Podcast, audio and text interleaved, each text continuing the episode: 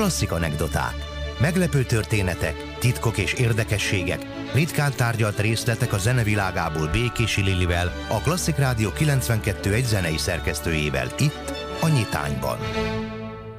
Ime itt van a mai klasszik anekdoták rovatunk, és itt van velem Békés Lili Veronika. Szia Lili, jó reggelt! Jó reggelt kívánok, szia Nóri! Én nagyon izgatott voltam, hogy vajon a mai napon mit hozol, és kik lesznek, vagy ki lesz az a zeneszerző hölgy, vagy hölgyek, akiket megismerünk, de nem véletlenül mondtam ezt így természetesen. A 20. század zeneszerzőit ismerjük meg, illetve ebben a hónapban a zeneszerző hölgyeit. A mai képzeletbeli vendégeink Lili és Nágya Boulanger lesznek, akik valóban egy testvérpár. Egy kicsit őket fogjuk most megismerni. Két rendkívüli egyéniségről van most szó. Egyrészt azért, mert mind a ketten elsők voltak, csak más feladatokban, uh-huh. más területein a zenei életnek. A 19. század végén születtek. Lili Boulanger, ő volt a fiatalabb, viszont ő volt az első nő, aki elnyerte a római díjat. Ugye, hogyha emlékszünk rá, akkor már szó esett a római díjról Debussy kapcsán. Debussy is megkapta. Az édesapjuk is elnyerte ezt a római díjat, sőt Charles Gounod, vagy Masné, vagy Bizé is. Tehát, hogy ez egy egészen, egészen jelentőségteljes díj a francia zeneszerzőknek. Na most ő 19 éves volt, amikor megkapta ezt a díjat, tehát egy csoda gyerek uh-huh. volt. Nadia Boulanger pedig a 20. század egyik legjelentősebb pedagógusa volt, és ő volt többek között az első hölgy, aki a londoni filharmonikusokat nagy sikerrel vezényelte. Ők művész családból származtak, ez akkor most már így kiderült. Igen, ők egyértelműen művész családból származtak, hogy egy kicsit belehallgassunk abba, hogy milyen kompozíciókat is írtak. Egy olyan darabot fogunk most meghallgatni, amelyet amelyet a Klasszik Rádió hallgatói már ismerhetnek, uh-huh. ugyanis játszunk már tőlük kompozíciót, ez pedig Lili Boulanger egy rövid kis darabja lesz, két darab hegedűre és zongorára, ennek pedig a második tétele a kortezs, azaz felvonulás. Uh-huh. Úgyhogy ez egy nagyon vidám kis mű, ezzel fogjuk nyitni a mai anekdotákat, és Anna Ovsjanikova és Giulia Sinani fognak nekünk játszani.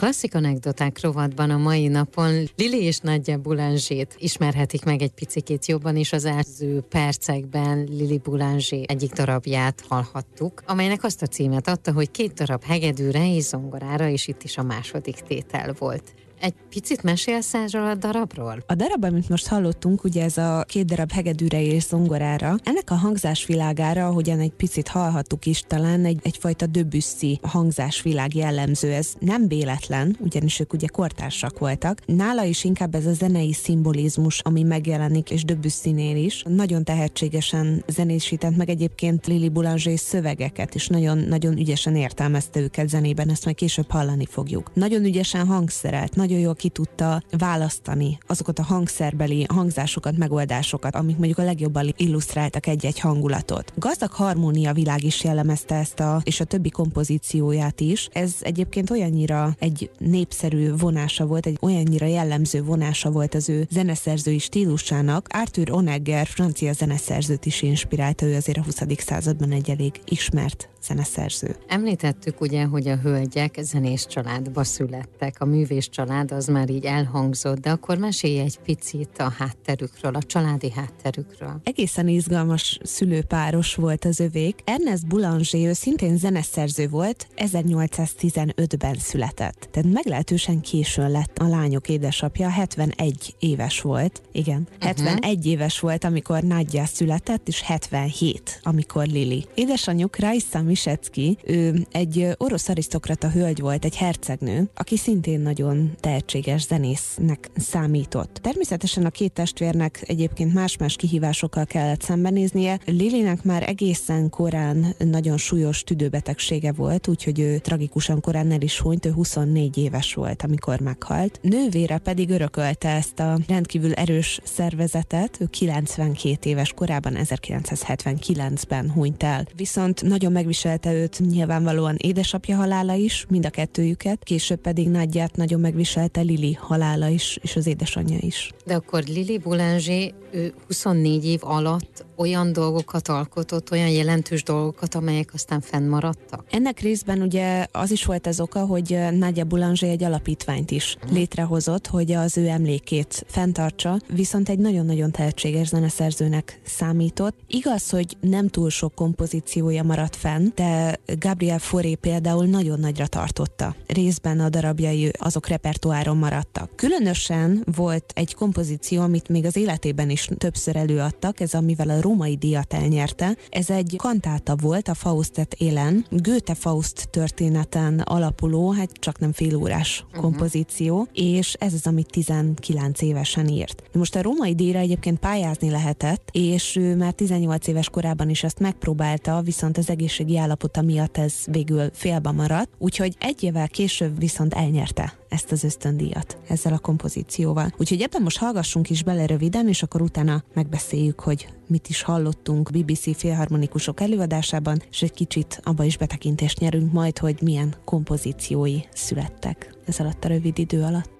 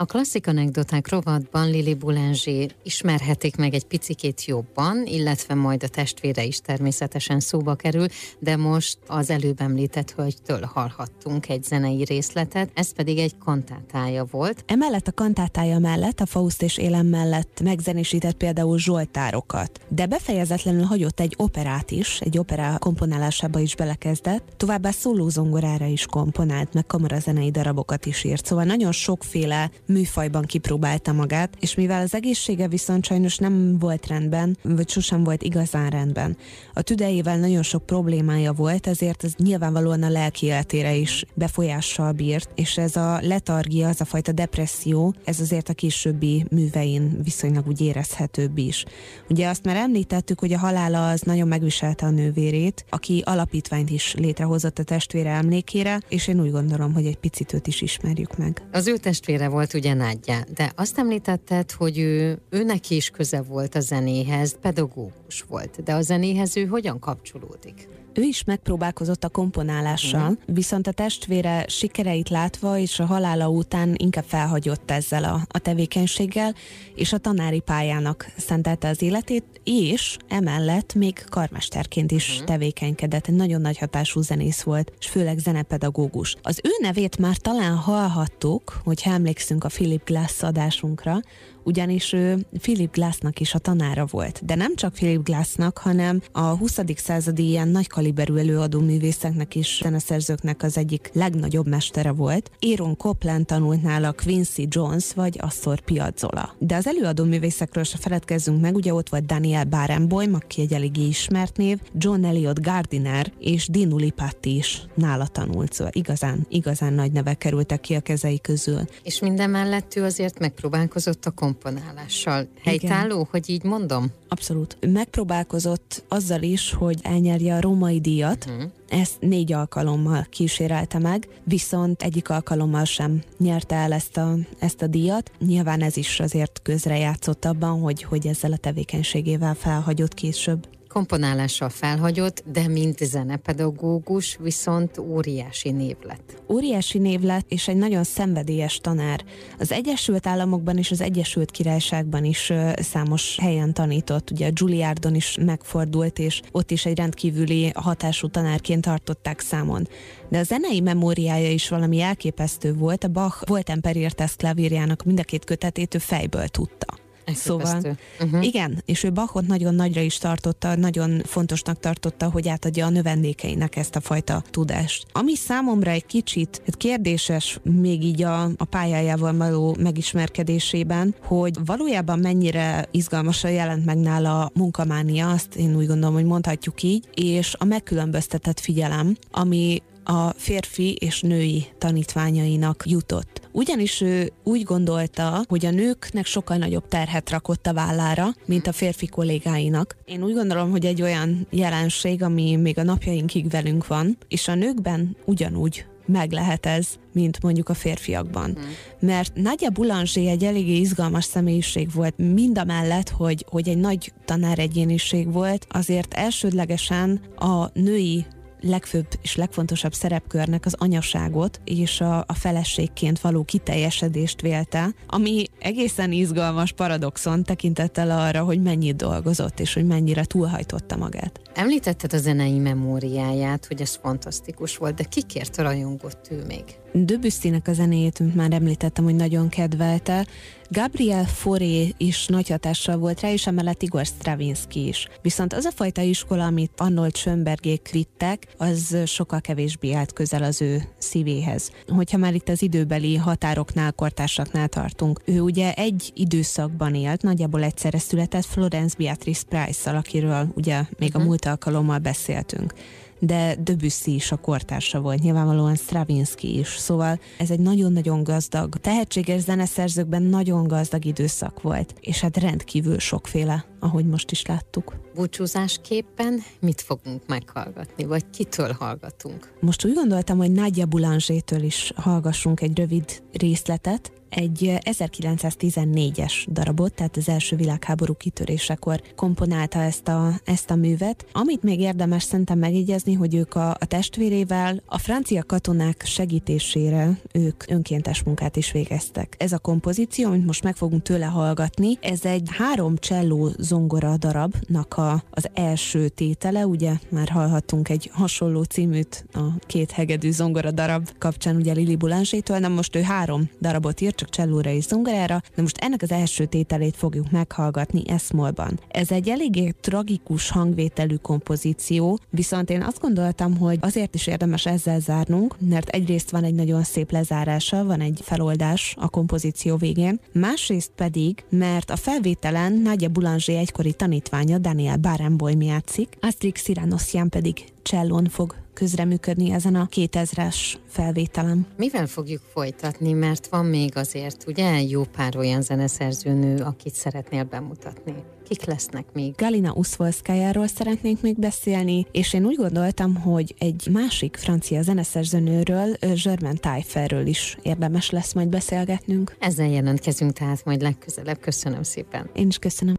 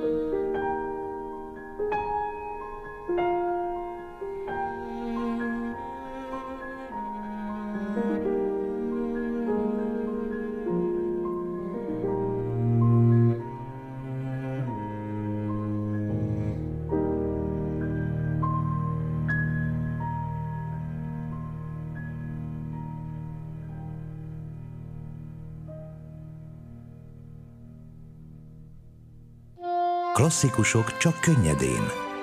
Klasszik Rádió 92.1